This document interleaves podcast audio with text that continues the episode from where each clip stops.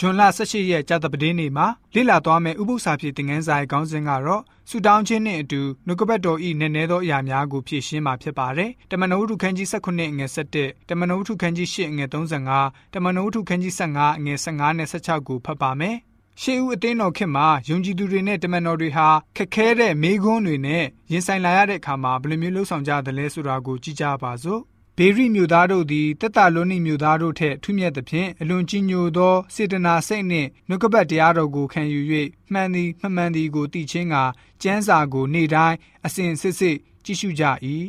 ဖိလိပ္ပုအားမေးမြန်းလင်ဖိလိပ္ပုသည်မိမိနှုတ်ကိုဖွင့်၍ထိုကျမ်းစာချက်ကိုအစွဲပြုလျက်ယေရှု၏အကြောင်းတည်းဟူသောဧဝံဂေလိတရားကိုဟောလေ၏ ထိုအကြောင်းအရာသည်လည်းပြောဖက်တို့၏စကားနှင့်ညီ၏ကျမ်းစာလာသည်ကားငါ၏နာမဖြင့်တမုတ်သောတပါးမျိုးသားအပေါင်းတည်းဟူသောကြံကျွင်းရစ်သောသူတို့သည်ထထဖျားကိုရှာစေခြင်းက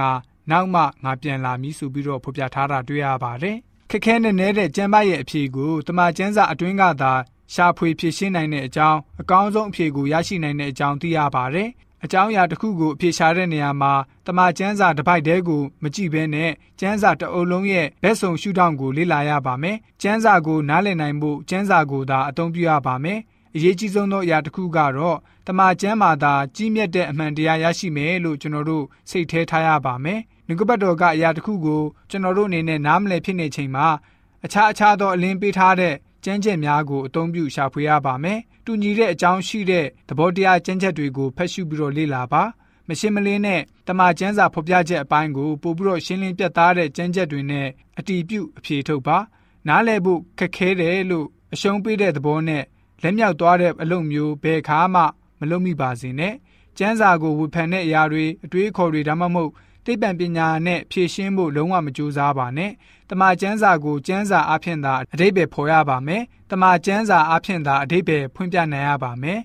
ကျွန်တော်တို့ရဲ့ဒူးအားဖြင့်ခက်ခဲတဲ့အကြောင်းများရဲ့အဖြေမှန်ကိုရှာဖွေနိုင်မယ်လို့စကားအဆိုရှိခဲ့ပါတယ်အဲ့ဒါကတော့ဒူးထောက်ဆူတောင်းခြင်းပဲဖြစ်ပါတယ်ဆူတောင်းခြင်းအဖြစ်ကျွန်တော်တို့ဟာဖျားရှင်ရဲ့အကူအညီလိုနေတဲ့အကြောင်းကိုပြလိုက်ခြင်းပဲဖြစ်ပါတယ် နှုတ်ကပတ်တော်ရဲ့နည်းနည်းချင်းကိုအ내ဖော်ပြပေးဖို့အကူအညီတောင်းခြင်းဖြစ်ပါတယ်။ဆုတောင်းခြင်းမှာကျွန်တော်တို့ရဲ့ဉာဏ်ပညာကိုလင်းလည်လာစေပြီးတော့တန်ရှင်းသောဝိညာဉ်တော်ရဲ့နှိုးဆော်မှုကိုတမန်ကျမ်းစာရေးသားခဲ့တဲ့သူတွေနီးတူကျွန်တော်တို့ရရှိမှာဖြစ်ပါတယ်။ဆုတောင်းခြင်းအမှုမှာကျွန်တော်တို့ခံစားချက်စိတ်ကိုဖွင့်ပြီးတော့ထာဝရဘုရားရှင်ကိုပြောပြဖို့ကကျွန်တော်တို့ဘလောက်နားလည်ခြင်းတဲ့အကြောင်းကျွန်တော်တို့ဖတ်ရှုတဲ့အရာကိုအ내ဖွင့်ပေးဖို့ဆုတောင်းရပါမယ်။ ဆူတောင်းခြင်းအမှုမှာဖျားရှင်နှုတ်ထွက်စကားတော်အပေါ်မှာကျွန်တော်တို့ရဲ့မျက်စိကိုဖွင့်ပေးဖို့အမှန်တရားကိုလိုက်လျှောက်လိုတဲ့စိတ်သဘောတွေကိုပေးဖို့ဆူတောင်းရမှာကတော့မမမယွင်းနိုင်တဲ့ဆူတောင်းရမယ့်အကြောင်းဖြစ်ပါတယ်။တန်ရှင်သောဝိညာဉ်တော်အားဖြင့်ဖျားရှင်ဟာကျွန်တော်တို့ကိုပို့ဆောင်တဲ့နေရာမှာ